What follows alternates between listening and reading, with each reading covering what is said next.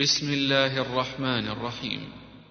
ألم تر كيف فعل ربك بأصحاب الفيل؟ ألم يجعل كيدهم في تضليل؟ وأرسل عليهم طيرا أبابين ترميهم بحجارة من سجيل فجعلهم كعصف مأكول.